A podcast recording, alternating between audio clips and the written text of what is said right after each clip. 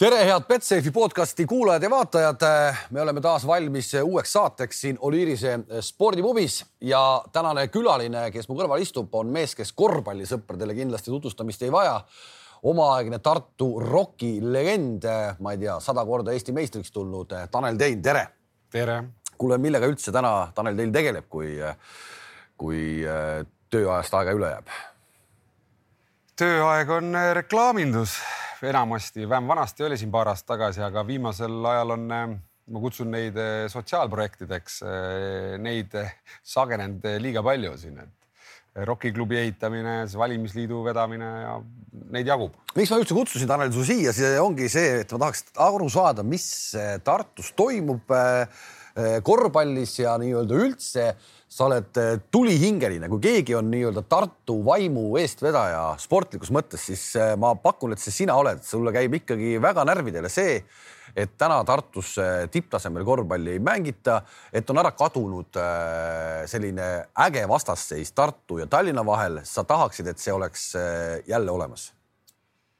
ma ei usu, et ma kõige tulihingelisem olen, olen, et kindlasti neid on nagu rohkem, kes igapäevaselt sporti jälgivad, teavad kõiki seise, ma kindlasti selline mees ei ole, aga, aga pigem, pigem siis, kui nagu noh, tekib mingi tupik, mulle tundub, või mingid asjad nagu ei liigu, siis ma olen tähele pannud, siis ma nagu energilisemalt hakkan nagu tööle või mingid suuremad sellised ideed või visioonid tõmbavad nagu käima et eh, noh, sellega ja üks, üks asi viib teiseni, on ju, et eh, siis nendega me siin vaikselt tegeleme. no täna on olukord selline, kus eh, sinu mängija karjääri jooksul, kui rokk, Tartu rokk oli, siis no nii-öelda selles korvpalli folklooris oli, on tänaseni sees kõik need teie liigutused ka mänguväliselt, kasvõi seesama Kaarsilla lugu, kõik jutud.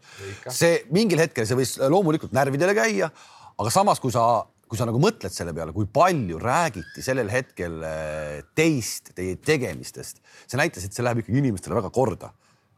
Eh, eks see, eks sellele eelnes ka mingi periood on ju, et äh, tühja koha pealt nagu rääkima ei hakata, on ju, et see, kui sa noh, kellelegi asi korda ei lähe, siis noh, mis vahet seal on, mida keegi teeb aga ma arvan, sellele eelnes selline kahe tuhandete aasta alguses nagu selline Tartu korvpalli siis nagu ütleme, uus tõus võrreldes varasemaga on ju, kus circa paarkümmend aastat ei oldud medalile tuldud, on ju, rääkimata kullale, et et see oli see nagu asi, mis nagu step by step hakkas nagu ju noh tõusma see tähendas ka seda, et eelarved hakkasid aasta-aastalt äh, tõusma, publiku huvi läks suuremaks, äh, köitis sponsoreid kõiki ja noh, siis igasuguseid asju juhtub loomulikult.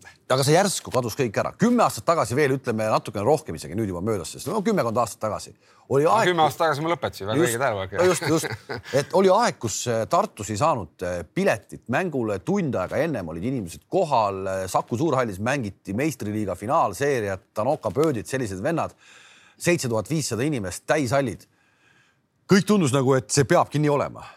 ja see kadus niimoodi ära, et seda enam ei ole üldse. kui ma küsin su käest täna, mitmes Tartu selles PAF liigas on, äh, sa ei tea? ei tea, ei tea tegelikult ka, aga ma arvan, see probleem selles oligi, et äh, meil ütleme klubina siis ütleme noh, tol hetkel siiamaani ka Akadeemia spordiklubi, kes seda ka vedas, ei osanud seda edu näha ja ei osanud teha selle pealt järgmisi samme nagu, kas need noh millised nad üldsegi oleks, mis suunas on ju.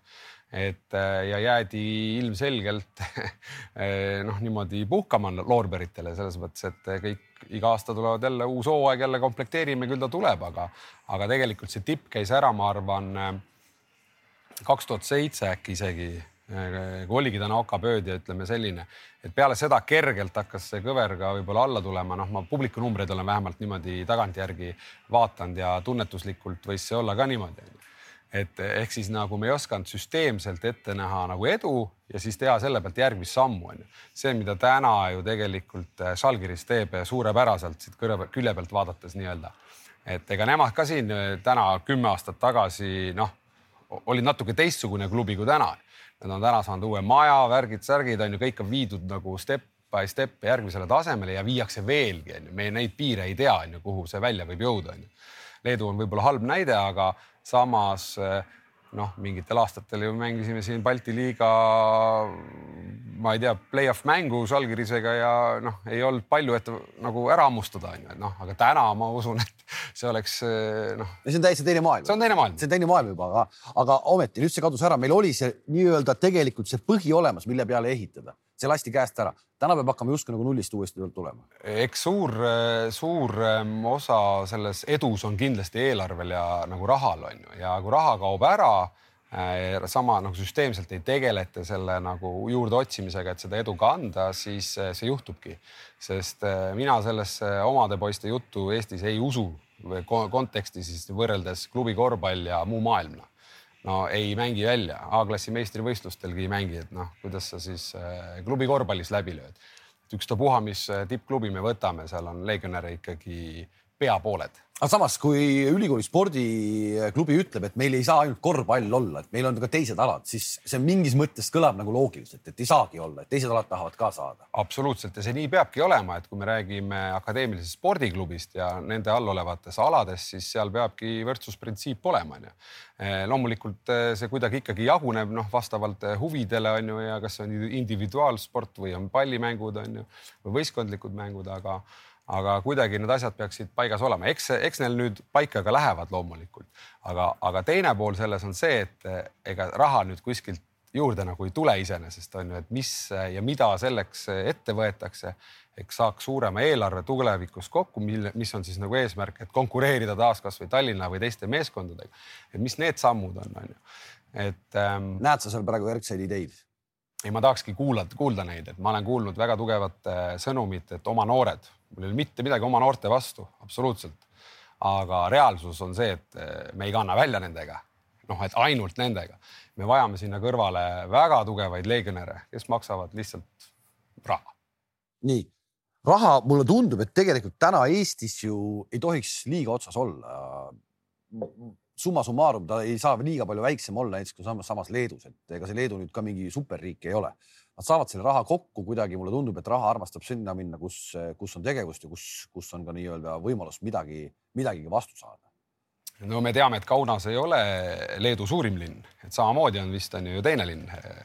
et eh, sama, sama nagu paralleeli tõmmates Tartus eh, või ütleme siis Lõuna-Eestis Lõuna-Eestis tervikuna ei tohiks olla tõesti see noh, nii-öelda kapitali puudus, küll aga ma arvan, on väga oluline, mida sa müüd nii-öelda noh, võistkonnana, et kas sa müüd lihtsalt nii-öelda noori, et me vaatame, ootame, tuleme, et anname aega äh, põhimõtet või sa müüd mingit visiooni ja nagu räägid, kuhu seda, kuhu soovitakse jõuda, on ju. ja soovitakse olla võitev meeskond, on ju, et me noh, tegelikult ei tiksu siin niimoodi noh, tegelikult seda noorenduskuuri oli juba kaks tuhat üheksa kuulda, oli seda kuulda kaks tuhat kaksteist, kaks tuhat viisteist, kogu no. aeg on noh, sama teema, ei tule, sõbrad, ei tule seda kuskilt juurde, üks-kaks äh, talenti tulevad nii-öelda või potentsiaalselt, ärme nüüd liiga palju krediiti ka anna. Ja nad lähevad kohe ära sest see on ka õige suund minna, sest me ei suuda neid esiteks eelarveliselt kinni hoida ja teiseks pole meil kohapeal konkurentsivõimelist satsi, et nad saaksid siin eh, vajadusel nagu õig õiglaselt areneda. Gerg Riisa toome nagu näiteks, kes nagu Tartu kasvandik on äh, võib-olla ka siin Tartu satsist veel Janar Jõesaar, kes on ju Tartu mees Kitsing. Äh, noh, mõnda ei tahetud. mõnda, mõni läks ise parematele jahimaadele. et nii see on ja ja, ja raha mõttes noh, ma arvan täpselt, et see ettevõtjad on vaja kõigepealt kuidagi panna uskuma, et see on taas võimalik. selleks peab mingi plaan olema. ma loodan, et meil on plaan. no see plaan on äh, ilmselt paljud korvpallisõbrad ja ka spordisõbrad on kuulnud sellest ROK-i nii-öelda nime uuesti sünnist. see oli sinu idee tuua see ROK ära, et see peab olema nii-öelda Tartuga koos, et see läks, läks inimestele korda ja no väga raske on ka paremat nime nagu välja mõelda täna on see ROK eh, registreeritud, eh, see on justkui korvpalliklubi. Te lähenete nüüd hoopis teistmoodi kogukonnaklubina. ma pean kohe ära ütlema igaks juhuks ka, et ka mina olen siis panustanud sinna selle kümme eurot ja mul on nüüd hetkel hea meel küsida, et mida mu rahaga tehakse eh, esmapilgul sinu rahaga sa ostsid tegelikult iseendale klubi sümboolikat ja milleks oli siis sinu puhul kas sall või nokkamüts, ma ei mäleta ja üks klubi märk et me tegelikult äh, selle registreerimisega äh, ei kasvata klubi eelarvet või midagi, vaid äh, soovimegi siduda neid tekkivaid klubi liikmeid rohkem nii-öelda klubiga, panna nad tundma, et nemad ongi klubi, nende arvamus loeb, tõmmata kaasa. et ähm, see oli sinu kümne, sinu kümnekas läks sinna nii-öelda, aga ma ei tea, kas sa oled välja võtnud oma fännitooted? Veel ei ole, aga, aga ma teen seda siis äh, järgmine kord. tehke kõik, kellel on võtmata veel on ju, et muidu Sportland upub ära nendesse, ütleme nii. aga äh, raha peale veel tagasi on ju, et sellesama, et miks see klubi nii-öelda, miks niipidi nagu läheneda üldsegi, et äh, et kümme aastat tagasi, võib-olla ka viisteist, seda ütles tegelikult eelnev kantsler, ülikooli kantsler päris hästi ja tabavalt, Meelis Luht siis et eh, rahajõud, ütleme allkirja jõud on läinud Eestist eemale, et suured toetajad on läinud ära, mis mingis mõttes on õige, aga samas on palju kohalikega veel saanud edukaks, kelleni pole võib-olla nagu jõutud, pole neil põhjust korvpalli juurde ka tulla või teiste alade juurde. ja nüüd ongi vaja mõelda, kus siis nagu eh, noh, mis me, mis me edasi teeme siis, kuidas neid nagu meelitada tagasi. ja noh, ma usun, et see kogukond, kahe kogukonnal nagu kaks sellist Äh, nagu pluss, esiteks, kui me kogume uusi liikmeid, kes on väga suure tõenäosusega potentsiaalsed pealtvaatajad, me täidame ära saalid. noh, iga päev kasvades suudame ära täita saalid. Äh, seal on kindlasti ka piletimüügifaktori tõus on ju äh, potentsiaalne ja teiselt poolt on siis koostööd ettevõtjatega, just selliste võib-olla väiksematega, kes siis nagu nii-öelda panevad oma panust, panuse ühte potti ja me kõik koos läheme nagu Tartu korvpallile nagu appi, ROK-i kaubamärgi all, sest tõesti sa mainisid, et äh, see nelja tähega sõna, noh, ma arvan, et Eestis ei ole paremat äh, kaubamärki varem nagu olnud äh, just nimeliselt, arusaadavalt, et noh, selle nagu lihtsalt käibelt äravõtmine, ma arvan, et oli viga. kui see tuli välja ja, ja ma lugesin selle nii-öelda idee läbi, siis mulle tundus, et, et kuuldes kogu aeg seda seda muret Tartus just korvpallisõprade poolt, et, et, et, et see asi läheb tohutult lendama. see asi, mina ütlen, ei läinud lendama, kuussada kopikatega liiget ja mulle tundub, et inimesed ikkagi päris täpselt aru ei saanud, et kuidas see, kuidas see lõpuks nüüd üheks nii-öelda meeskonnaks välja jõuab. täna te olete äh, võtnud oma lasteaialapsed keegi, eks ole, teete trenni, me räägime sellest natukene hiljem veel, aga põhimõtteliselt ikkagi arusaamatu on see, mis hetkel see kogukonnaklubi näeb ka ikkagi nagu meeste satsi mängimas täpselt selles samas kohas, nagu sa räägid, Eesti tipptasemel ja eurosarjades ka väga õige, et selles mõttes, et kui ülikool viskas selle veksli välja, kuna ROK-i idee nagu tagasi tuua sündis eh, täpsemalt, oli, et ülikooli sõnum oli, et edasi eh, soovitakse minna üliõpilaskorvpalliga. noh, see oli väga selge sõnum, selge, et eh, noh, profitiimi siit nagu tulevikus ei, ei tule ja me oleme nagu ja me mõte oli, toome selle korvpalli ühiselt siis Akadeemilise spordiklubi alt ära, võtame hästi laiapinnaliselt, paneme MTÜ või midagi seal kokku, on ju, ja hakkame selle pealt uuesti pihta, kus ülikool ja linn on ka partnerid loomulikult. see idee nagu jäi ära, ülikool soovis ise minna, arusaadav ja selles osas me oleme natuke pidanud oma plaani nagu muutma, sest meil ei ole meeskonda, nagu sa täpselt ütlesid, endal nagu meeskonda ei ole, oma kasvandikud on, kes vaikselt tulevad.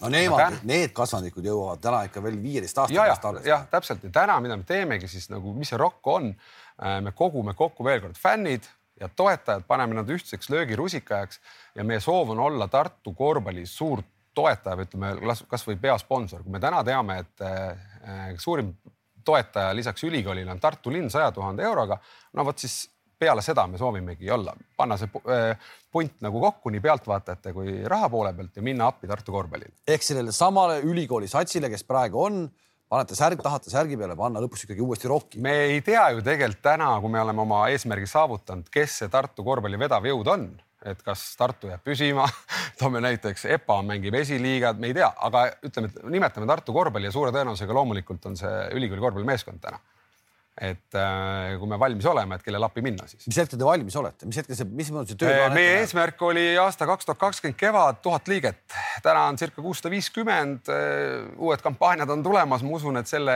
eesmärgi me ütleme liik, liikmete kaudu saavutame. teine eesmärk oli kaks tuhat kakskümmend aasta lõpuks eelarve sada tuhat eurot, kui eelmine aasta oli meil circa kolmkümmend siis eh, noh, me peame kolm korda oma eelarvet tõstma, on ju, ja see töö täna ettevõtjatega kohe-kohe on algamas. Me ei taha nagu minna lihtsalt tühjade kätega selles mõttes, et meil on see idee, vaid meil nii-öelda ROK-i platvorm, mis on täna nagu valmimas, on ju, me tahame ette olema valmistatud, et, et see, kelle me midagi pakume, visiooni räägime, meil on ka noh, midagi rohkemat nagu näidata, et sinna me tahame jõuda. Ja seda on kindlasti parem teha ettevalmistunult, kui lihtsalt rääkida sooja juttu. No ideid võib igasuguseid olla, aga, aga, aga vot nüüd järgmine asi, et, et kuidas sa teed selle idee, miks sa arvad, et need partnerid ehk siis ülikool ja Tartu linn üldse tahavad? praegu ma siiamaani saan aru, et, et nagu liiga palju koostööd nad teha ei taha ju ei, ei, see ei ole, ma usun niimoodi, et nende poolt on täiesti arusaadav äh, just see koht, et äh, kardetakse midagi nagu ära anda, kuigi ära keegi midagi ära ei tahtnud võtta. ja teiselt poolt, äh, kellel saab olla nagu eelarve, mida kõik otsivad, eelarve vastu midagi või siis pealtvaat-, potentsiaalsete pealtvaatajate, et et kui ma seepärast ütlesingi, et võib-olla see ei ole ülikooli korvpallimeeskond tol hetkel, et võib-olla on see midagi muud, võib-olla naiste korvpall tõuseb, onju. aga noh, suure tõenäosusega on ikka meeste korvpall ja, ja sinna me soovime panustada oled sa täna juba nagu nii-öelda, ma ei tea, kas Janar Taltsi või kellega sa üldse seal äh, rääkima pead hakkama, et kuule, teeme siis. ei, me oleme ikka ju kantsleri, rektori kõige varasemalt nüüd siin pool aastat äh, tagasi nagu rääkinud, et ja ma saan neist aru, meil ei ole lauale panna täna noh sada pappi nii-öelda, me kogume seda, me teeme, ehitame seda asja nagu ülesse ja kui meil on ja siis on me noh, siis me läheme uute, uute, uute läbirääkimistega, selliste tingimustega, milleks on kindlasti ka ROK-i nime tagasitoomine, üks peamine argument sinna nime sisse ja ja sellisel juhul me saame ju kergelt öelda juba ja see sada tuhat ei ole meie nagu eesmärk aastas, et äh, me räägime võib-olla ikka mõne aasta perspektiivis ikka sadades tuhandetes, mida me sooviksime äh, kokku saada ja panustada sinna. kelle pealt see tuleb? riigifirmad täna sporti ei toeta sa ütlesid, kolmkümmend tuhat on, oli teil praegu juba nagu nii-öelda no,? lihtsalt tavaline käibeelarve nii-öelda, et kui sa mõtled, et me, me, me soovime teha kolmeaastaseid koostööleppeid partneritega ja nagu eeldusel või ütleme sooviga kasvavad lepped, just nimelt pikaajalised lepped, et me saaksime täna planeerida paremini ka tegevusi Äh, noh, ühe lepinguga me tegelikult teame, mis meil on kolmanda aasta eelarve on ju, et me saame neid samme step by step teha. Äh, ja kui sa võtad põhimõttel üks, kaks, kolm, et neid väikefirmasid, noh, kui suured on nagu noh, ei ole täna, me ei ole apetiitsed nii-öelda suurtele, siis väikefirmade kaudu võib-olla leida tuhat eurot aastas ühel ettevõttel, teisel aastal kaks, kolmandal kolm. võib-olla see ei olegi nii suur samm, on ju, lihtsalt see maht on oluline. meil on järelikult saja tuhande saavutamiseks vaja sõlmida sada lepingut minimaalselt, on ju. aga saja lepingu sõlmimisega me oleme sõlminud ka järgmise aasta ja ülejärgmise aasta kokkulepped, kus need summad on siis natuke suuremad juba. Pluss kogeva, kogu aeg juurde võttes et.... sa, sa ütlesid, et see töö nii-öelda firmadega hakkab peale, ma ei tea, kui suur see tiim sul on või kuidas see, kuidas see nagu välja näeb, et see täna raha küsimine asjale, mida tegelikult veel olemas ei ole. on, on, kõik on olemas, kõik on olemas, lapsed tulevad, klubi kasvab, liikmed tulevad, tegelikult ma arvan, et me oleme üks laiapõhjalisemaid eh, klubisi nagu liikmete kaasamise selle osas juba täna Eestis, et ma seda, me peame tutvustama ideed loomulikult. Ja see ongi üks sama platvorm või veebileht, mis tulemas, kõik see tuleb õigel hetkel, millega inimesed saavad kindlasti paremini kurssi. kõige olulisem märk selle juures on see, et inimene, kes meiega liitub, ongi see klubi ise, tema on nagu nii-öelda ka omanik, see on sinu klubi, sul on võimalik Eestis täna omada spordi, spordiklubi, spordibrändi. mida see inimene vastu saab?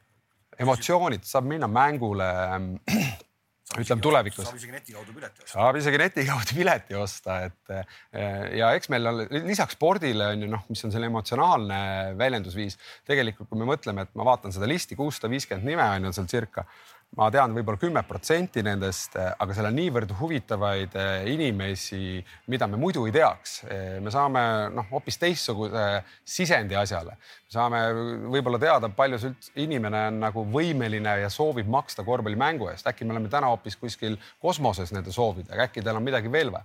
et see tagasiside igasugu küsimuste gallupite näol on koht, kus me oma klienti nagu tundma õpime. iga hea ettevõte tunneb oma klienti, on ju, soovib seda kliendibaasi suurendada. Tegelikult ka spordiklubil peaks see samasugune eesmärk olema et äh, muidugi loomulikult ma ütlen, väga nõrk koht on see, et me ei ole täna kokkuleppel juba ja me ei saa ühiselt seda teha. ma arvan, meie tulemus oleks äh, tunduvalt parem äh,. nagu sa mainisid ka, et ROK-iga kaasatulijaid. noh, ma isiklikult arvan, et see kuussada viiskümmend on väga hea number täna, tõsiselt, et proovige kuskilt noh, inimesi koguda niimoodi. Et aga kui me oleks teinud seda kõike ühiselt, linn, ülikool ja see uus organisatsioon, ma arvan, meil oleks nagu potentsiaali rohkem. miks te pole seda tänaseni ühiselt teinud? see on hea küsimus eks siin eh, võib-olla on oma kommunikatsioonis eh, mingeid vigu tehtud, eh, võib-olla ei ole soovitud teha, võib-olla kardetakse midagi, et korvpall kaob kuhugi ära, kuigi tegelikult meie ainus soov on kogu aeg juurde anda ühisele asjale, mitte kuhugi eraldi ära võtta, sest kes täna on Tartu korvpalli eelarvet circa nelisada, nelisada viiskümmend tuhat eurot. no kes tahaks võtta sellist iga-aastast kohustust endale kanda? ei, vastupidi, me tahtsimegi juurde sinna anda ja pigem positiivset poolt onju et äh, aga see on nende selles mõttes ülikooli noh, otsus ja seda ei pea üldse nagu halvustama kuidagi, see kõik võtab aega. nagu ma ütlesin, seda kaks aastat tagasi omadega me ei jõua kuhugi, täna on kaks aastat läinud äh, kahjuks me ei jõua, on ju, ja läheb veel paar aastat aega ja noh, siis ma arvan, on veel raskem minna nagu toetajate juurde, öelda, et kuulge, et noh, tulge appi, onju. ometi täna on olukord selline, kus sa, sa pead minema justkui nagu ülikooli juurde teemaga, et davai, poisid, teeme ühist asja. Seesama ülikool paneb sulle korvpalliliidu juhatusesse ei hääle, et ROK-i nii-öelda klubi võtta korvpalliliidu liikmeks, ta hääletab su vastu. no ei ole päris, ei ole nagu justkui nagu hea positsioon minna üldse midagi rääkima sind ei taheta näha. ja võimalik, aga me ei tea neid tagamaid, et kuidas seda tegelikult, noh, hääletus tõesti oli kaheksa-null. kaheksa-null. kaheksa-null oli, et see paneb nagu mõtlema, et, et okei okay,, et kas me oleme, oleme siiamaani piisavalt vähe ennast tutvustanud, kuigi ma ei usu seda, me oleme päris palju pildis tegelikult olnud. aga saab alati paremini ma arvan lihtsalt, et see protseduuriline apsakas oli seal, kui inimesed istuvad laua taga, keegi juhatab koosolekut, võib-olla ei olnud piisavalt infot, et täna me seda ei võta, seda klubi, me veel räägime nendega ja nii edasi, et e ettepanek on mitte hetkel võtta. kõik istuvad laua taga, tõstavad kätt ja kõik, ma arvan, see on süvenemise küsimus. Ja kui sul ikkagi täna on äh, just. muidugi kui... inimesed teadsid, seal laua taga olid inimesed, kes väga selgelt teadsid. just peaks teadma, eks ole, et no, ja, ja, ja seda enam, et seda enam, et kui see otsus võetakse niimoodi vastu ja sa ütled, et nagu ei süveneta, et kui keegi tahab sinu nime või sinu tiimiga, need on tuntud nimed Eesti korvpallis, eks ole, kõik, kes on seda suurt vankrit rokis vedanud, ka Pastak on seal pundis. et, et, et, et sulle pannakse lihtsalt ei ära, sulle pannakse laksti ei ja, ja, ja nagu tuuakse selliseid põhjendusi, millest nagu raske aru saada. tänasel päeval, no mina ise eeldaks, et korvpalliliit peaks tulema appi varustuse ja kõige muuga, kui keegi tahab hakata, et hakkame tegema, aga sind ei lasta ligigi. Jah, et see selles mõttes signaal on okei okay,, me saame sellest üle, me saame korvpalliliiduga kindlasti asjad räägitud veel täna paari, paari tunni pärast on meil kohtumine lausa ehk hetkeks, kui see asi meil eetris on, siis võib-olla juba otsus on olemas. täpselt, pool neli, nelja võiks, no okei okay., aga ma ütlen signaal just teistele, et kui meil on täna selline, no meil ei ole lihtsalt idee või midagi, tegelikult me tegutseme, meil on tõesti lapsed, noh, lapsed on nagu selline mitte üheaastane projekt, vaid sul on eh, teatud vaata et kümme-viisteist aastat, niikaua kui nad on eh, välja kasvanud, on ju nagu kohustus võetud. Eh, meil on tõesti liikmeskond, et, et ma mõte on selles, et kui täiesti noh, inimesed tänavalt tunnevad, et panid lapsed trenni või sooviks ka klubilist tegevust teha, et, et korvpalliliidu liikmeks astuda oleks ka vaja just sellepärast, et kui nad tahavad koolis anda tunde, et taotleda pearaha, see on see ainuke põhjus on ju, et hakkama saada. ja kui meie oleme nagu saanud eitava vastuse, siis järgnevatele ei ole väga hea signaal noh, et üldse asja. aga ma niikuinii kuulsin ju, et äh, täna tahavad kõik korvpalliga tegeleda ja uks on, järjekord on ukse taga ja, ja siin, seal peab olema kord majas, keda üldse võtta. ehk tegelikult on nagu arusaam selline, et, et, et ei saagi nii palju korvpalliga tegeleda. no ma arvan, et seal oli väljenduslikud väiksed äh, apsud ja mm, ma arvan, korvpalliliit kindlasti seda äh, kommunikatsiooni ja seda klubiks astumise regulatsiooni teeb selgemaks, arusaadavamaks. tänu sellele ma arvan, läheb see asi paremaks aga noh, keegi peab selle läbi tegema, teeme selle sisseastumiskatsed nii-öelda äh, läbi, loodame, et me oleme edukad ja me saame järgmine, mitte järgmine, vaid selle aasta sügisel käib jutt on ju, täna me töötame on ju nii-öelda neljas Tartu lasteaias äh, liikumis nagu rühmadega ja see on ettevalmistus, ettevalmistav aasta või ütleme puhveraasta meile, et minna järgmine aasta koolidesse. Ja koolides, et anda trenne värki ja taotleda linna pearaha, pead sa olema korvpalliliidu liige, miks see triangel üldse vajalik on? me mõtlesime, et see on nagu noh möödaminnes asi tegelikult. meil kõik asjad on ka ju tegelikult täidetud selles nagu nii-öelda reglemendis meie arust aga no vot sulle siis. oled sa Prantsu käest küsinud ei ole, ei, ei ole, ole., sa ei, ei ole küsinud, miks, miks, miks no., miks ülikool pani ei? no ma ütlengi, minu, minu jaoks on ainuke põhjendus see, et keegi, kes koosolekut vedas, äh, tegi sellise sissejuhatuse ja ütles, et meie poole soovitus või mõte on hetkel teha nii. inimesed ei viitsinud süveneda ja tegid selle otsuse ära. päris palju lubab ma arvan ka korvpalliliit õpib selles protsessis selles mõttes, et asjadele tuleb ikka tõsisemalt peale vaadata ja no ma arvan, et nad ikka õpivad. sa oled ikkagi selline optimist. kus sul linnaga nagu asjad äh, risti on läinud, et tegelikult äh, ma kujutan ette, Tartu linn, täna ta ju jätkab jätkuvalt korvpalli toetamist, ta ju on selles sum, summaga sees aastas. sada tuhat. sada tuhat, mis on iseenesest täiesti okei okay summa. see on sama summa, kui sa tulid nagu meistriks, et see ja täna olime eelmine aasta viiendad ta oleks valmis kindlasti ka tõstma, ma arvan, eelarvelised vahendid isegi lubaksid, oleks oleks suur asi. aga linn tiksutab seda sadat tuhandet äh, ülikoolile ja, ja justkui kõik on rahul. vaat siin ongi see murekoht, et linn tegelikult ei ole valmis hetkel rohkem tõstma ja ka ülikool ei ole valmis rohkem nagu eelarvet tõstma. ja nüüd ongi see küsimus, kui ülikool ja kaks peapartnerit ei ole valmis rohkem tõstma, et kus tekib see lisa, ma julgeks öelda pool miljonit eurot minimaalselt aastate lõikes aastas lisakapitali, et olla konkurentsivõimeline et kui need kaks osapoolt ei ole valmis ise tegema seda, mida nad ei peagi ülikool nagu tegema, kuigi ütleme siia vahele, et Madridi Reali peasponsor on kes? ülikool jah, Euroopa ülikool kolme miljoni euroga, et igasuguseid lahendeid on olemas, on ju eh, maailmas vaadata. et kui nad ise, ülikool ja linn ei ole valmis tõstma, siis noh, kust see tuleb, see vahe ja kui abi ka nagu ei soovita või koostöö osas võtta, no siis ma ei näegi sellel mingisugust eh, perspektiivi, et see asi peab muutuma meil kindlasti. aga kui sa lähed sellise jutuga linna, linna juurde, eh, linnapea jutule, keda sa väga hästi ju tunned ka ja ka temale ei lähe see asi lendama, talle nagu ei lähe see korda, mulle tundub, et teeme, teeme rokki uuesti no,. linnapeaga on imelikud lood, et linnapea on poliitik. me oleme linnapeaga istunud laua taga, rääkinud sellest roki idee tagasitoomisest, toomisest, kogukonnaklubist, mis kõik oli ülihea idee ja kindlasti tuleb jätkata seda rada, tema sõnum. noh, aga ta on ikkagi ülikoolile partner nii-öelda linnana ja ülikool määrab selle suuna on ju ja loomulikult linn ei lähe ülikooliga noh raksu mingi väikse roki idee või visiooni pärast on ju, kuigi jalg maha panna oleks seal ühise eesmärgi nimel tuleviku mõttes kindlasti olemas. aga noh, ei olnud seda, ei olnud seda mehisust. sa tulid taga, mõned aastad tagasi välja äh, ka ikkagi nagu algselt päris raju ideega ja tänaseks on see justkui jälle nagu äh, soiku vajunud. Arena Tartu mis äh, iseenesest äh, aastal kaks tuhat kakskümmend, kus me täna oleme, Tartu-suguses linnas midagi sellist võiks olla. kui see idee tuli, siis ülikool ehitas kohe oma halli nii-öelda ümber ja sealt tuli sõnum, et meil rohkem tegelikult ju polegi vaja mingit Arena Tartut, meil on ülikooli spordihoone suurepärane ja, ja me ei saa seda, seda, sedagi maja täis. täna oled sa selle Arena Tartuga, kus kaug-, kui kaugel sa oled sellega? Seesama kaasav eelarveprojekt, mis te seal võitsite, kaks tuhat viisteist vist oli või? ja ongi kõik?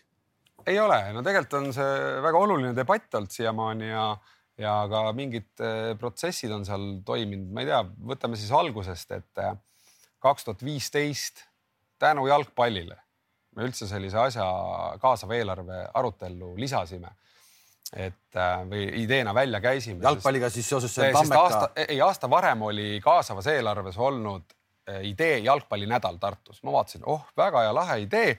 nii hakkasin näpuga järge, kus korvpall on, mis korvpall teeb, on ju väljapoole saali, noh, loomulikult mitte midagi. ja mõtlesin, et no tohoo, et no paneme siis nagu korvpalli mõistes ka mingi idee välja ja ma täpselt, Vastaku Mell, kes äh, Tarmo Hõbedaga vist oli rääkinud ja kuskilt see idee tuli kahetasandilisest äh, hallist, mis mingi kontseptsioon Soomes on. ütlesin, väga hea idee, et paneme selle nagu välja. ega me ei teadnud, kuhu see kuhugi tänaseks välja jõuab ja mul on väga hea meel, et me tegime seda tegelikult tookord, sest äh, see, see nagu avas hoopis teistsugused murekohad Tartus, äh, suunad, asjad ja mis tegelikult aasta-aastalt saab järjest rohkem selgemaks, et võib olla lahendus väga paljudele erinevatele probleemidele meie piirkonnas või Tartus õigemini. jõuame siis selle juurde välja, et äh, Tartu mure on äh, see, et me pole tegelikult tõmbekeskus me küll arvame seal Lõuna-Eestis, et Tartusse kõik jooksevad inimesed kokku no,. paljud, paljud vaidlevad vastu, ma to, lihtsalt toon näiteid, aga sul vist on mingid muud näited ka, et, võtame Metallica kontsert, kaheksakümmend tuhat inimest, Rally Estonia, iga aasta suvine üritus, linn on kinni, inimesed on kõik kurjad, kohalikud elanikud, viiskümmend tuhat inimest, kõmm jälle Tartus sees. möll käib Tartus väga õige, see Metallica ka, et tuli, on nagu selline areenaga vaikselt seonduv faktor, sest Live Nationsi esindaja Eva Palm kes oli kutsutud aasta kaks tuhat kuusteist äkki või, Arena ümarlauale noh, nii-öelda, kes selgelt ütles kõigile seal laual, et Tartus on võimalik asju teha, et äh, me teeme Kaunases kogu aeg, on ju noh, kus on võrdlus nagu linn nii-öelda. et me saame seal teha, kui oleks ainult koht on ju, et võib-olla me ei too alati A-kategooria artiste on ju, aga me saame tuua väga huvitavaid artiste, kui oleks koht, kus midagi teha ja kõik jälle muidugi vaidlesid vastu. no Tartusse ei lenda ükski lennuk. lennuk ei saa, kohale ei saa, aga Eva tõi Tartusse Metallica peale seda kuuskümmend tuhat ja keegi ei küsinud ka, et kuidas te siia saite või kas oli probleeme. ei, me tõest-, tõestas selle asjaga ära, et Tartus saab teha kõike, ka maailma tasemel et eh, noh, ütleme, et ka see nagu selline arutelu, kuhu ta on nagu tegelikult viinud, et eh, kergelt, ütleme kergelt, eh, ma julgen öelda, et seal mingi noh, selline side oli. Aga veel tulla tagasi siis Tartu tõmbekeskuse juurde, et nagu näiteks Tallinnaga võrdluses, mis loomulikult on tõmbekeskus, teil on kuue, viieteist aastaga tulnud juurde sealt circa kuuskümmend tuhat inimest ümberkaudsetest linnadest, ka Tartust on ju et Tallinn kindlasti tõmbab töökohad, asjad, aga Tartu viieteist aastaga ei ole kasvanud, me oleme pigem tuhat inimest kahanenud. et eh, noh, üks asi on see, et meil on. Ehm, kus see pidur on siis? Ei noh, meil on küllalt hästi tegelikult Tartus selles mõttes kõik, et kõik tiksub vaikselt ja rahulikult, onju. aga noh, me ei ole tegelikult sellised atraktiivsed ja nagu noh, tõmbekeskuseks. Ja üks, üks, me oleme ülikoolilinn, teaduslinn on ju, noh, meil on seal potentsiaali teha kõikvõimalikke üritusi, konverentse, asju. Ja nagu see sama Metallica kontsert tõestas, et tegelikult huvi on tulla ja tullakse, et noh, miks me siis ei kasuta seda ära. Ja selle asja nagu ju tulem, kui me teeme halli, kus saab teha erinevaid üritusi, on ju see, et meie linna tuleb äh, tunduvalt rohkem rahvast, turiste, nad toovad siia teist kapitali, mis väljendub siis linna eelarves läbi maksude hiljem, läbi mille me saame lõpuks äh, parandada rohkem teid, koolimaju ja nii edasi. et meil ei ole täna sellist kasvu linnas ja meil ei ole ühtegi suunda, et või noh, keegi ei olegi, me oleme nii palju lauale viskanud seda ideed, et no öelge mingi teistsugune suund, et kus me siis saame sellele linnakodanikud kasvama, maksutulu üles, no vaikus on tegelikult. et noh, selle senikaua me taome oma ideed, kui ei tule paremat, onju. ehk siis pidur on siis täna ikkagi nii-öelda Tartut vedav äh, su endine koduerakond, Reformierakond, kuhu sa kuulusid, mulle tundub nii, et sa nagu ei ole rahul sellega, mis, eh, mida nagu pakutakse ehk et ei pakutagi justkui mitte midagi. me kuuleme ju küll igasuguseid eh, tülisid nüüd viimasel ajal eh, Monika Rand ja, ja seal on juba. elu keeb, elu keeb. elu keeb, et ja juba ei taheta Lõunakeskuse ette autoteed ehitada ja, ja kõik on ei, kõik on kogu aeg ei, ei, ei, ei, ei. ma arvan, et Tartu kõige suurem probleem on suurte ideede mitte realiseerimine, nende kartmine see, et äh, korra veel tuleme selle tõmbekeskuse juurde tagasi, et see, et nagu mööda minnes lasti Rail Baltic läbi Pärnu minema ja Tartu jäi sellest, midagi ei olnud kuulda, minu meelest see võitlus oli no,. ma pakun välja et, et äh, kaheksakümmend protsenti tartlased äkki ütlevad, et meil polegi vaja seda Rail Balticut. võib-olla see tõesti ongi nii, aga sellepärast ongi vaja sinna etteotsa tugeva natuuriga juhte kes äh, saavad aru, mis on nagu piirkonnale vajalikud ja teevad õigeid nagu, nagu otsuseid, mitte nagu ei tiksu kõigile meele järgi no.. selles mõttes tuleme tagasi Linnali juurde, mis tegelikult on ju Reformierakonna valimislubadus. ma nüüd aastaarvu panen mööda, aga circa kakskümmend aastat tagasi. linnahall, sa mõtled Tartu? Tartu linnahall. Tartu linnahall. arengukavas sees Reformierakonna lubadus, värgid. me läksime ju tegelikult lõpuks Äh, taaselustasime selle idee ja läksimegi esimesena, esimesena ju Reformierakonna juurde, näete, selline idee, et nüüd on aeg võib-olla küps, onju. Äh, noh, ei lendanud see nagu mõte, et äh, noh, vastupidi, arvati, et ei saa nagu sellega mandaati, me saime kaks kohta valimisliiduga, noh, et tegelikult me saime järgmise nagu etapi sellest. Te saite kaks kohta valimisliiduga Tartu eest, Tartu eest volikokku, volikokku sisse. Ja. ja te justkui olite, hõõrusite käsi, et nüüd läheb lahti. Tänaseks on see teie idee ja Tartu eest põhimõtteliselt lükatud ikkagi nagu riiuli tagumisse otsa? ei, ei ära ole nii pessimistlik, et noh, kõik see suured asjad võtavad aega, et ähm,. aga praegu on ikka sammud tagasi astunud. me as, no, tegelikult sügisel just sai uuesti Tartu eest vedamisel asi Tartu arengukavva, linnahall on jälle sees noh, et ta on nagu nii-öelda prioriteedina või mitte prioriteedina on vale sõna, ta on seal sees, sellega tuleb tegeleda, onju. Äh, milleks siis oleks olnud järgmine samm Äh, alustada nii-öelda otsimaks rahvusvahelist konsultatsioonifirmat äriplaaniga edasiminemiseks, mille, e-, mille jaoks me nagu ka eelarvesse raha taotlesime ja tuleb tunnistada, millega noh, istusime ka koosolekul härra linnapeaga ja tegelikult ta lubas selle kaks tuhat kakskümmend aasta eelarvesse. seda ei ole. no siis, kui eelarve jõudis, siis seda sõna linnahall või äriplaan seal sees ei olnud jah et. mis see vastus siis oli, sa oled ometi uurinud, mis no, nüüd juhtus? otse öeldes tegelikult linnapea võib öelda, et valetas meile. midagi pole teha, nii see oli. aga poliitikutel ikka seda juhtub, on ju, ja oma mõtteid ja asju muudetakse ja hiljem noh, see vastus äh, lihtsalt ei olnud nagu tõsiseltvõetav, äh, mida linnapea vastas, et see on meil kuskil raadiplaneeringu all ja mõtleme nii või naa ja noh, tegelikult kui sa, kui sa tahad tõsiselt seda teha ja sa oled pannud selle linna arengukavasse, sa oled selle linna juht nii-öelda siis ole mees ja pane need kaks sõna, linnahall või äriplaan selle kohta sinna eelarvesse sisse, kellelgi ei teki küsimusi ja liigume edasi. täna tehakse poliitikat. milline see äriplaan selles mõttes nagu on, et äh, kui palju sa oled nagu uurinud üldse äh, neid, neid olemasolevaid Arena Tartu suuruseid halle, kuidas nad ennast ära majandavad, noh täna Tartus, veel kord räägime, ei saa ju öelda, et ei tehta, ERM tehti Tartusse, kohta, kuhu arvati, miks see sinna tehti, aga, aga see on olemas, seda keegi enam ära ei võta, see on seal püsti Saku Suurhall, Tarmo Hõbe tegi, minu arust on teinud supertöö seal selles hallis, vahepeal täielikult virelenud hall ikkagi suudab kuidagi ennast ära majandada. milline see Arena Tartu äramajandamise plaan peaks olema? kaks tuhat seitseteist tehti kaks tasuvusanalüüsi suurhallide kohta üle Euroopa ja circa viiskümmend üks protsenti majandasid ennast ise ära erinevus nüüd suurhalliga on see, et Tartu linnahalli me oleme kogu aeg rääkinud kui riigi ja linna ühekordse ja ka erasektori ühekordse investeeringuna, noh, nii-öelda regionaalse investeeringuga, mis muudaks selle keskuse, ütleme selle piirkonna tõmbekesku, keskuseks nii-öelda rohkem nii-öelda, et sinna tahetakse tulla ja, ja seal elu keeb, on ju. Et me ei ole kunagi rääkinud nagu ehitusmaksumuse äratasumisest, küll igapäevaste aasta nagu olmekuludega majandab see hall suure tõenäosusega üheksakümne protsendiga ära. seda on teinud ka Saku Suurhall kogu aeg, kui me räägime, et sul on nagu olmekulu on ju, sa ei pea ehitusmaksumust tagasi maksma. ma arvan, Saku Suurhall on kogu aeg olnud eh, positiivse numbriga. et eh, lihtsalt kuna neil oli erasektorist võetud eh, tegevus, laenud, värgid, siis ka pankrotid ja sellised asjad läbi käinud.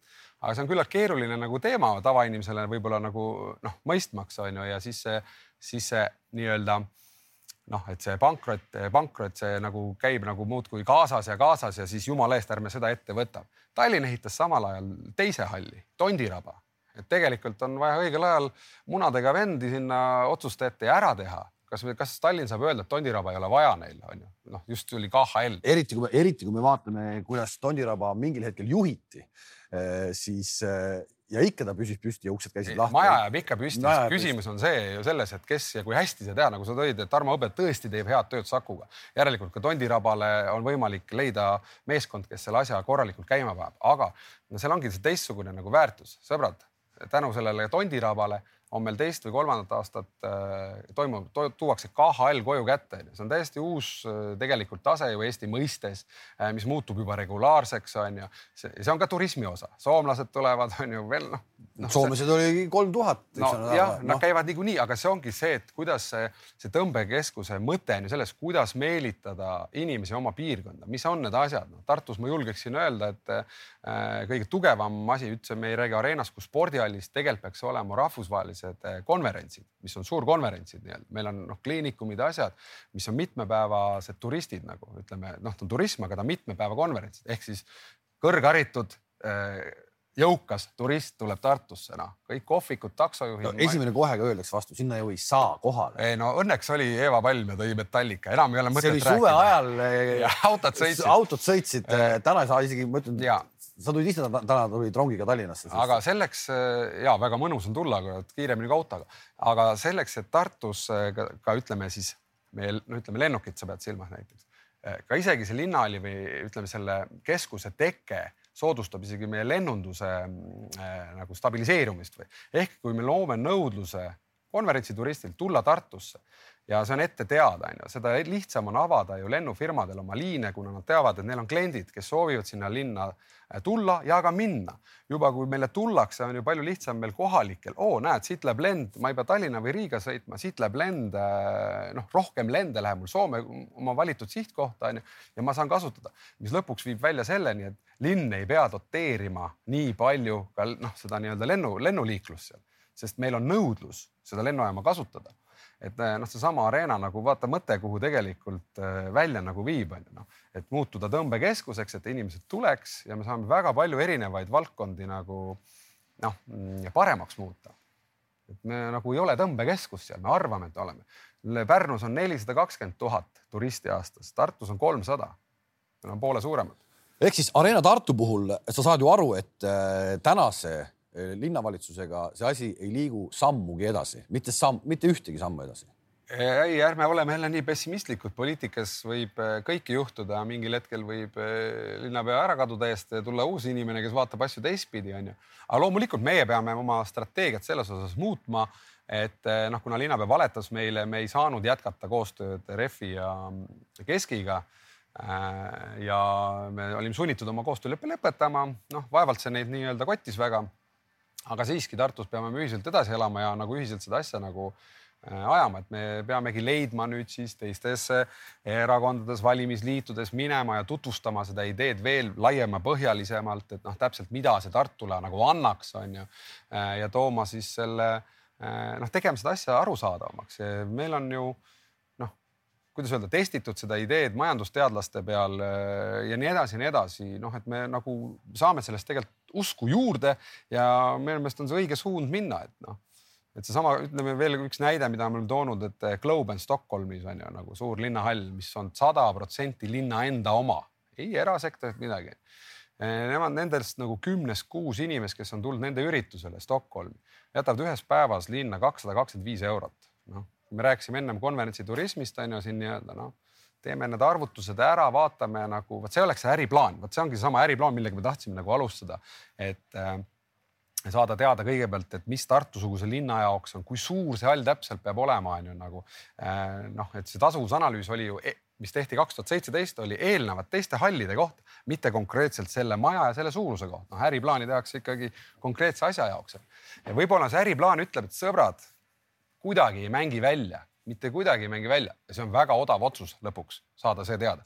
aga ma usun, et see on teistsuguse. sa oled siis nõus tunnistama, et jätame ära? loomulikult, lihtsalt me ei saa seda otsust teha täna teiste hallide asjalt, me peame ikkagi oma asja nagu oma piirkonna paika panema ja seda ongi vaja välja, see kakssada tuhat lõpuks, mis on selle kogu, isegi tegelikult see ei ole nii kallis lõpuks, eh, on lõpuks võib odavam tulemus, kui teha midagi, mis ei pea veel pärast välja absoluutselt. hästi paljudele meeldib kohe hakata raha lugema, kindlasti kõik ütlevad, et kuradi Tein, et äh, teeb selle halli linna või riigi rahadega valmis, paneb sinna lõpuks Rocki logo ette ja, ja, ja, ja nii ongi. mis põhimõtteliselt äh, on läinud põhimõtteliselt Žalgiris, Žalgiris areenaga, eks, et linn ehitas ja riik ehitasid selle valmis. tänaseks Žalgiris sai selle kahekümne viieks aastaks endale nii-öelda rendile ja ma elus ei usu, ma elus ei usu, et keegi oleks praegu õnnetu selles olukorras ma ei no see, mis toimub Kaunases ja Žalgirisega, see on kindlasti noh, kordades kõrgem tase, teine rahvaarv, aga mudel, ütleme niimoodi, kui sa võtad, ka Tartu on kunagi noh, ütleme, see on korvpalli näitel, aga me just räägime, et areena nagu erinevatele üritustele, aga korvpalli võtmes me oleme viis korda väiksemad näiteks, mis kümneid kordi väiksemad, me teemegi oma kaliibriga seda, aga see mudel on seal nagu ees, kogukond. Žalgiris on täna Euroopa kõige suurem vaata, et see kogukond mina ei teadnud, et nad koguvad näiteks eh, klubi liikmete nagu andmeid ja kontakte, nad ka teevad seda. Nendel, nendel on äh, lihtsalt vahel öeldus väga äh, huvitav strateegia just sellel aastal, kuna Žalgirist jälgib üheksakümmend kolm protsenti leedulastest, mis on iseenesest nagu kõva number. mitte kõva, vaid see on lihtsalt fantastiline number. Ja nad avastasid ühel hetkel, et vaatamas saalis kasvõi ühe korra on mängu käinud sellest üheksakümne kolmest nelikümmend protsenti ja nad võtsid sellel aastal konkreetselt suuna ainult nendele ülejäänutele, kes pole mitte ühtegi korda veel saalis käinud, et neid ka saali tuua. mis iseenesest on nagu täiesti lihtne ja geniaalne no,. ja sul on viisteist tuhat inimest saalis.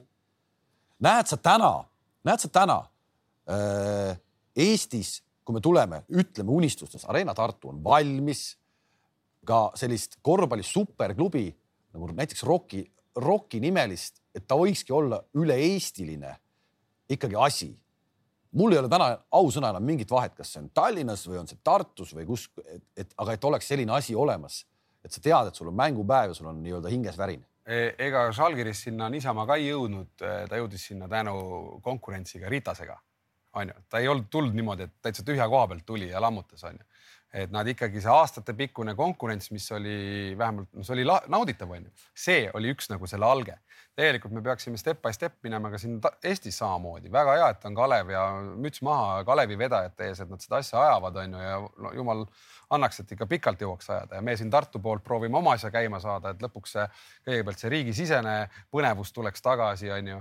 aga lihtsalt minu nägemusel Tartu, kus on väga hea fännibaas, ma ütlen, parim tegelikult olnud läbi aastate onju varasemalt. Ja see potentsiaal nagu just sellise infra ja ütleme, ma rõhutaksin just valminud äh, infra osas ka Käärikut, mis on viiskümmend kilti Tartust, no mis on suure maailma tasemel asi täna et käige niisama läbi sealt, sõitke, vaadake, mis seal tehtud on. et treeningkeskusena selline nagu super asi, kui kõik see nüüd kokku panna, siis see potentsiaal on seal olemas. kiire näide lihtsalt, et kui meil on sada tuhat inimest Tartus äh, ja meil käis circa kolmsada inimest vaatamas mängu.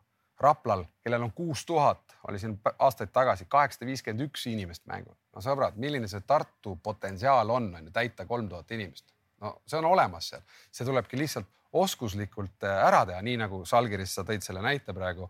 Äh, ütleme, et kes mängudel ei käi, kes vaatavad, need ongi uuringud, sellepärast me kogumegi täna liikmeid, et nendelt küsida, kas sa käisid, kas sa vaatasid, teha sellest nagu nii-öelda kliendi, klient on halb sõna võib-olla, aga selline pakett kokku, et me teame oma nagu, me teame oma fänn, me tunneme oma fänni et noh, täna oli meil mure, ma ütlesin, kas sa said osta pileti mängule või, leidsid ülesse või? Tartu mängule mitte, seda mitte, ma spetsiaalselt käisin otsimas. Äh, no jääme selle ikkagi nii-öelda paralleelselt Žalgirisega jooksma. Žalgirise eelarvest moodustab aastas kaks koma kaheksa miljonit vist äh,, ei, on riigi toetus ja linna toetus Kaunas ja riik kahe peale kokku kaks koma kaheksa miljonit, mis on ikkagi nagu päris jõhker summa äh,. nii suur see summa ei saa Eestis mitte kunagi olla. täna, aga nad maksavad ka kõik maksud ehk et eh, maksusoodustusi nad ei saa. täna Eestis, kui me kuuleme neid, eh, sa tõid selle Rapla juurde, me teame, Rapla on hädas oma selle stipendiumi maksmisega ja, ja kõik klubid, ka juba võrkpallid ja kõik, nad ei suuda seda nii-öelda palka ametlikult ära maksta. see tõmbab lihtsalt hinge kinni. raha, mida ei ole, tahetakse ära võtta nii palju, et see nagu suretab. selles võtmes mulle tundub ma jään selleks pessimisti pooleks, mulle tundub, et täna on nagu täiesti lootusetu üldse mingit suurt asja püsti panna. Kaks tuhat kaheksateist me, kui selle oma kümme käsku korvpallile välja lasime nii-öelda, siis tegelikult see oligi üks selline noh, üks see korvpalliklubi väline tegevus, mida me ühiselt tegelikult peaksime hakkama lahendama, sest kohe-kohe on tõesti see aeg käes, kus maksuametiga kokkulepped saavad klubidel läbi ja siis tuleb, ma ütlen nii mõnelgi nagu profispordi osas käed püsti tõsta, et äh, vot spordi nagu eripära minu meelest on teiste valdkondade töödega see, et või muusikaga võrreldes, et muusikas võid olla võib-olla kakskümmend, kolmkümmend aastat onju, aga sporti sa saad teha ikka väga kitsa nagu elutsükli. no ütleme ikkagi no kümme aastat, kümme aastat, et ja nüüd on selline küsimus, kas me soovime nagu riiklikult äh, Eh, nagu professionaalselt tipptasemel klubisporti nagu toetada või hoida seda elus on ju, sest me oleme nagu rahvaarvult väiksemad, meie võimalused on alati väiksemad on ju. Ja nüüd, kui me seda seal maksusüsteemis ei, kui me ei suuda nagu meelitada äh, sporti ja kultuuri äh, ka toetama rohkem ettevõtjaid, me ei leia nagu lahendeid selleks, siis äh, me vaikselt hääbume kahjuks ka selles vallas. ja tegelikult me oleme kaks tuhat kaheksateist aastast nagu äh, maksu, maksuinimestega siis konsulteerinud ja proovinud leida sellist, äh, mis võiks olla see tehniline lahendus äh, maksu mõistes, mis aitaks, mis oleks riigile vastuvõetav äh, ja aitaks nagu või meelitaks õigemini ettevõtteid siis toetama sporti rohkem, ilma et ettevõtted väga palju kaotaksid, on ju, nad ei kaotaks üldse tegelikult ja riik ei kaotaks väga palju, teha, teha neid arvutusi. et me loodame väga, et me saame mingil hetkel selle nagu lähiajal kohe nii-öelda noh, arusaadavalt kirja no,. mis see idee siis on? See ongi, et idee on selle, kõige lihtsamalt öeldes, kas meil oleks võimalik, eh, seda me ei teagi, maksutehniliselt täna ei tea veel. et näiteks, kas või, oleks võimalik teha, et käibemaksust ettevõtetel on võimalik valida, kas ta maksab selle riigile tagasi ühe protsendi näiteks või suunab enda valitud kultuuri või spordiklubile. ta niikuinii maksab selle. otse, otse klubile jah, täpselt, otse klubile, selles mõttes see suunata või kuidagi noh, ütleme see tehniline nüanss ongi küsimus, kas see on võimalik, on ju nii edasi või on see mingi muu maks. aga põhimõtteliselt, kui täna meil kakskümmend protsenti käibemaks on ju, mida iga kuu ettevõtjad maksavad siis riigile tagasi või tehakse tasaarveldust, on ju, siis ühe protsendi ulatuses äh, võiks seda nii-öelda suunata äh, siis oma valikul oma lemmikvaldkonnale. see tundub äh, ideena, mis võiks nagu debatina kuskilt nii-öelda algu- äh,, ka alguse saada, tundub päris nagu nagu lihtne, aga lihtne ja lihtne ka ja, ja see summa, mis sellest ühest protsendist tegelikult tuleks, vot ma siin pean nüüd natuke häbiga minu... tunnistama, ma ei teagi isegi, mis need käibemaksusummad on, aga see üks protsent tundub no, tuleks, suur summa. see uuring selles mõttes ongi, et noh, meil ei ole mõtet numbrid väga välja visata, on ju, et palju, noh, tegelikult on teada, ettevõtteid on nii palju, nii palju on käibemaksu laekumist ja üks protsent sellest on nii. noh, ärme seda välja täna viskame, sest ma ei tea seda, on ju aga see on lihtne arvutus on ju, nüüd on lõpuks tekibki küsimus, et ahah, no arvatavasti kõik ettevõtted ei tee seda, on ju, kõik lähevad, et, et palju on riigi kahju, meil tekib selles mõttes, palju riigil jääb saamata siis lõpuks seda maksu. aga kui me saaksime sellise uuringu nagu ka ära teha, et näete, et see summa on umbes selles vahemikus ja siis on see poliitiline otsus. okei okay,, sõbrad, teeme, teeme selle ära toetame, et me oleks Eestis nagu igas alas siis nagu esirinnas rohkem, aitame oma klubisid või laseme selle asja kotti see tuleb, see tuleb selline läht-, ideena, ma veel kord täna ei tea üldse, praegu ma kuulan seda ideed, eks ja me ei tea üldse, kui palju siin on vastuväiteid, eks. aga et asja nagu üldse pole keegi arutanud. korvpalliliit näiteks, me räägime praegu korvpallist, võiks olla ju vabalt ka mingisugune nii-öelda häälekandja Eestis pallimängude alas, nemad on hetkel kõige rohkem hädas sellega, et, et neid pitsitatakse. sealt ei ole tulnud mitte midagi. nüüd sa siin laua taga täna viskad selle ülesse ma kujutan ette, et siit, kui üldse keegi selle ülesse võtab, siis vastuväiteid on sada, sada ja sada, kuna Eestis on kõik kõikide asjade vastu. see poliitiline tsükkel on neli aastat ja mitte keegi ei taha mingeid taoliseid otsuseid ette vastu võtta. ma arvan, kui on teada see number umbes, et mis see nagu riigil võiks noh, võiks jääda saamata, kuid tegelikult ei jää ju saamata, see tuleb nagu lihtsalt teistpidi uuesti maksusüsteemi ju tagasi, needsamad inimesed lähevad, tarbivad, onju. no ma nüüd nii täpselt ei tea, kas see täpselt nii käib, aga, umbes niimoodi onju. et eh, ma arvan, et eh, pigem tänane valitsus teeb ära selle, ma arvan.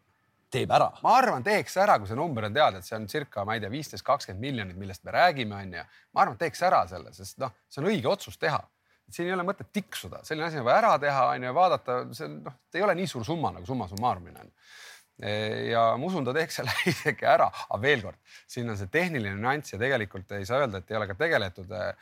Sama Andres Otternder, kes oli ülikooli akadeemilise spordiklubi korvpallidivisjoni juht, on ka paralleelselt seda kunagi varem äh, vedanud ja temaga me täna nagu noh, uuesti proovime koos ROK-i tiimi ja siis nagu ta on nagu meil naaks abis on ju, noh, kuna ta on hariduselt ka jurist, et siis ta jagab seda teemat paremini.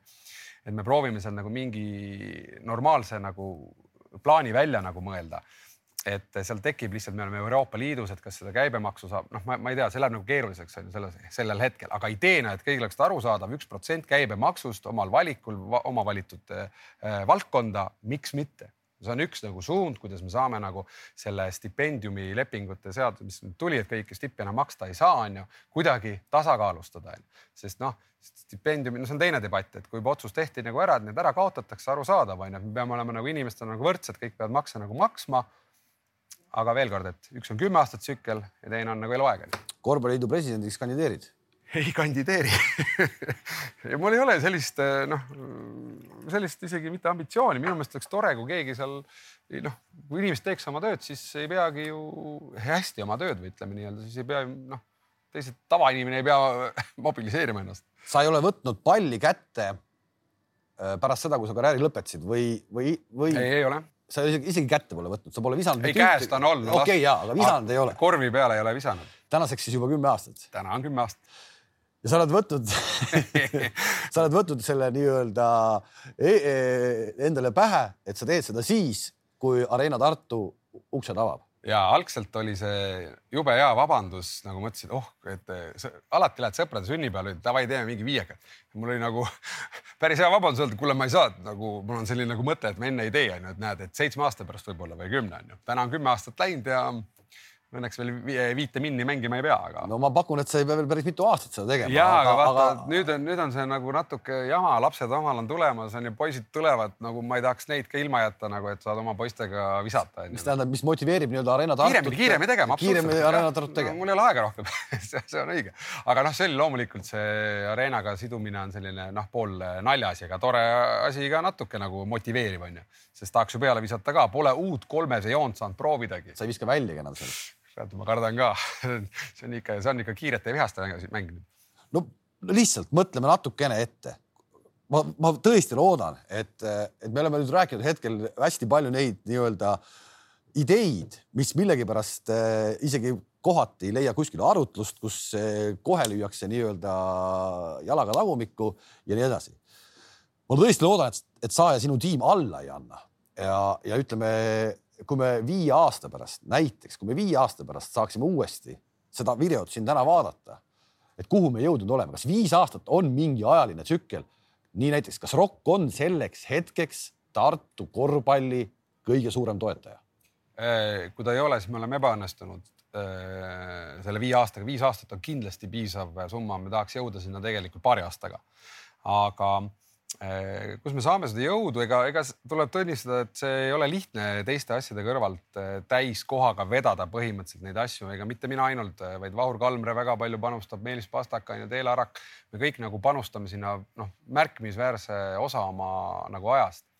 aga õnneks on vot see kogukonnaklubi nagu, mis jõud peaks tekkima, meil on kohe-kohe siin paari kuu pärast tulema esimene üldkoosolek on ju, kus eh, me koos, kõik koos valime endale nõukogu, nõukogu valib juhatuse on ju, võib-olla ka tegevjuhi, ma ei tea, kuidas see vorm täpselt tuleb, kus me peame seda nagu ühiselt vaata, me toomegi jõudu juurde, ka raha leidma, ka rääk-, seletama ideed, et see asi toimuks ühiselt. see on meie nagu üks lootus, sest varsti see aur võib otsa saada küll on ju.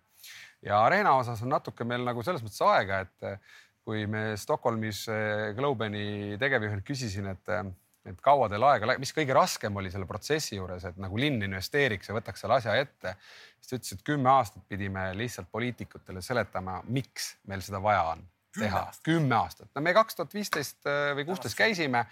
jah, et seal on nagu väike selline puhver ja noh, eks ka nii-öelda linnajuhte vahetub aeg-ajalt ja noh, tulevad teised mehed ja mõtlevad võib-olla teistmoodi ja mõtlevad nagu laiemalt asja. Sa oled ise samamoodi ju tegelikult äh,, teil oli see oma valimisliit, eks äh, kohalikel valimistel, siis sa läksid Eesti kahesajas, üritasid ka. Eesti kakssada kukkus läbi, ma ei tea, kas sa oled äh, no ütleme nii, et noh, ikkagi künnist ei ületanud, et kas sa oled tänaseks nii-öelda tegelikult selles poliitikas äh, ma ei tea, kas pettunud või, või sa, või sa ikkagi jätkad, sa pead olema seal sees, sa pead olema, sa pead sellest karja sulguma. Ma ei pea ennast kindlasti poliitikuks, ühtegi mingit linna ametikohta ma selles osas kuhugi kandideeri ja sinna nagu mingit, mingit soovi ei ole, see on väga raske töö seal käia, esi-, noh, teha kõike arusaadav. aga Eesti kahesaja peale tulles korra tegelikult eh, miks ma seal nende, nendega nagu appi läksime, oli ju see, et eh, mida poliitika täna kõige rohkem vajabki, ongi uusi inimesi kes julgeks tulla, panema, panna oma näo ja nime äh, sinna nii-öelda plakatile ja, ja minema oma ideid tutvustama, muidu see ring ju ei, üldse ei muutu ja sellepärast, et ja et need on uued noored inimesed, no anname võimaluse on ju, see oli minu nagu poolne nagu mõte ja loomulikult ühtis meil absoluutselt mõte regionaalsest investeeringutest, et nagu, et asi ei koonduks äh, Tallinnasse kõik, vaid me peame väikekohtadesse ka mingeid selliseid tõmbekeskusi või mingeid mudeleid välja mõtlema ja looma ja tegema nagu riiklikult selles osas tööd ja nad panid äh, selle oma valimisprogrammi sisse ja noh, see oli suurepärane noh, et me saime olla pildil, et ma arvan, kohalikud omavalitsuse valimised tulemas uuesti ja ma arvan, nemad küll kuhugi ära ei kao, et pigem nad äh, Äh, tulevad ja saavad inimestele tuttavamaks, tuntumaks ja sellest ainult Eesti poliitika ainult võidab, kui siia tuleb nagu värsket verd juurde. tuleb juurde ettevõtjad, kes igapäevaselt tegelevad ettevõtlusega, saavad aru, kust raha tuleb, on ju. Äh, tuleb noori, kes, äh, kes on nagu ütleme siis mitte Vene aja taagaga, et noh korruptsioonid, asjad, vaid nad on puhtad lehed, et seda on vaja kõik, et täna, täna kahekümne aasta pärast oleks meil noh, selline noh, aus ja Äh, lugupeetud äh, valitsus ja rääkimata riigijuhtidest. no vähemalt hetkel mulle tundub küll, et selliseid selgeid mõtteid on jube, jube äge kuulata. sa oled sportlasena, sa tead äh, väga hästi, mida tähendab kaotamine, see ei ole, see ei ole hea tunne, kui sa kaotad. tänaseks oled sa, nagu sa ütlesid, oma näo ja nime ja oma paljude sõprade, kes siis teie pundis on, kelle sa siin ette lugesid, näo ja nime pannud ka ikkagi väikesesse, no tegelikult päris suurde lahingusse ja kaotada. kogu aeg seda praegu, praegu läheb nii-öelda kogu aeg kaotuste rida, et, et veel kord, et, et kui kaua te jaksate kaotada? vaata, kui see ütleme siis võit tähendaks seda, kui meie eesmärgid õnnestuvad, onju, siis igat võitu tuleb nagu kuidagi pikalt sepitseda, onju ja mõned seal, mõned väiksed lahingud, mis seal Elva piiril tuleb ära anda, noh küll see Tartus, Tartus ära võetakse, ütleme nii. aga mm, ei, see on, see on tõsine koht, et kuidas just oma perede kõrvalt leida seda noh, motivatsiooni aega, et midagi pole teha, seda tuleb nagu noh, kui keegi kuskil ei toimeta samasuguste teemadega, mis sulle istuvad, siis tulebki ise minna ja teha ja sellepärast ma kutsun teisi ka üles, noori eriti, kes tahavad midagi kaasa rääkida, noortel, mida ma ka tunnen, noorel on sul energiat tegeleda, ma vaatan oma isa praegu, noh, kes vanasti oli ka tegeles hästi palju nagu selliste asjadega, nüüd on vanem mees, no noh, inimesi enam ei kõneta. no eks on tehtud ka juba noh. jah, et sul kaovad need, kaovad need nagu noh lähed vanemaks on ja sul ei ole sellist energiat, et justkui sul see energia pigem kakskümmend viis, nelikümmend viis, viiskümmend on, tulge ja tehke, onju. Öelge välja, mis te arvate. Eh, noh, tehke, ega midagi ei juhtu, mis see, et keegi kuskil sinust kirjutab või on vastane, noh väga hea, noh lähedki kuradi järgmine kord lähed baari ja kuradi saad aru, kes on sõber, kes ei ole. või tekib mingi diskussioon seda ongi meie, meie ühiskonnas tohutult äh, vajaka minu meelest, mingit debatti ei toimu, kui sa proovid midagi tõstatada, siis äh, lihtsam on olla vait, on ju, no ütleme juhtivatel eh, erakondadel juhtidel, mis iganes, lihtsam on see teema nagu maha vaikida ja mitte tegeleda, mitte suskida ja ajada mingit oma nagu joru nii-öelda. et see kindlasti töötab, sest nad on nii võimsad täna. seepärast veel kord see Eesti kakssada näiteks noh, midagi pole teha, meil on vaja nagu uusi inimesi, et me võime nagu vastu olla nende ideedele osaliselt, aga me ei saa olla vastu persoonidele, sest nad on uued värsked nagu näod, et anname neile võimaluse. ma kurat tegin liiga palju reklaami praegu Eesti kahesajale, aga. no see okay.. ma ei, no mina ise ei ole Eesti kahesaja liige, aga lihtsalt see oli nagu üks näide, kes tuli. selge.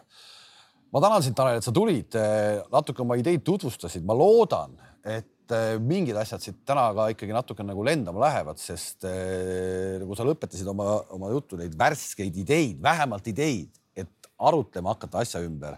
Neid oleks ju vaja küll. Neid oleks kõvasti vaja, et äh, minu meelest võiks tulla siin iga noh, ütleme spordi kui ka siis poliitikas iga päev siin nagu või iga, iga aasta mingi kümme head ideed, mida nagu arutada nagu. et äh, nii kui ideed on laual, saab debateerida, kui ideid laual ei ole, siis ei ole midagi millegi üle debateerida nagu mitte, et ma eriline mingi debatikunn siin oleks, aga lihtsalt eh, noh, praegu me oleme kaks rada nagu võtnud, on ju, sport ja siis selline piirkonna arendamine.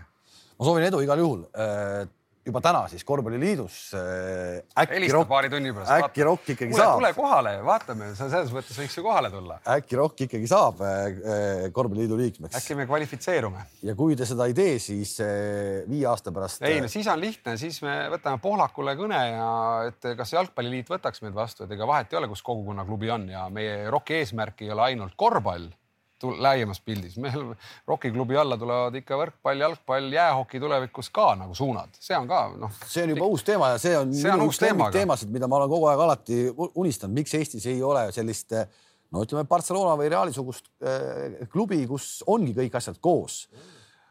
Aivar Pohlakuga, Aivar Pohlakuga, Aivar Pohlakuga mul oli selle eest juttu ja ta ütles, et see on Eestis võimatu, tema sellise asjaga, asjasse, tema sellesse ei usu ja me lihtsalt korra veel ei lõpeta, on ju ära siin seda asja. E, mõte on selles, et just, et laste tasandil e, tegelikult oleks see võimalik. E, seal on vaja, klubi puhul on piisavalt võimas, et see klubi siseselt saaks lapsed selle ühe pearaha süsteemis liikuda. lapse arengus oleks ju jube kihvt, kui sa jääd seal neljanda klassi kossupoiss näiteks, aga üks kord nädalas on sul jäähoki. no kes ei tahaks, kes natuke õpetab ka või üks kord nädalas on sul akrobaatika või mingi selline, no mis iganes, võrkpall, et et ma arvan, et kui see asi on mitmekesine lapse nagu eas, eriti noh, pallimängud on toredad ju, et kõiki koos saaks teha. et eh, siis on see füüsiline huvi või ütleme, see võimekus lastel ka ju tõuseb, aga neil on vaja natuke aidata, sa pead uisud leidma kuskilt, noh, kuidagi vaat see klubi suudaks seda organiseerida. Sellist ühistegemist Eestis on viimasel ajal ikka väga-väga vähe ja selliseid ühistegemise ideid täna siit laua tagant tuli päris palju ja ma tegelikult ka, täna on meil jaanuarikuu kaks tuhat kakskümmend. Tanel, teeme kaks tuhat kakskümmend kaks täpselt kahe aasta pärast. Korra kontrollkõne. Ja vaatame, kuhu need ideed jõudnud on. ma loodan, et midagi on juhtunud positiivsuse suunas, igal juhul kindlasti mitte, et see nii-öelda negatiivsuse suunas liigub. ei no iga päev meil klubi kasvab, on ju, iga päev tuleb liikmeid noh, piltlikult öeldes juurde, on ju, ja kaks aastat on piisav aeg, et olla Tartu korvpalli peasponsor jäägu see mõte kõlama, aitäh, et vaatasite ja kohtumiseni.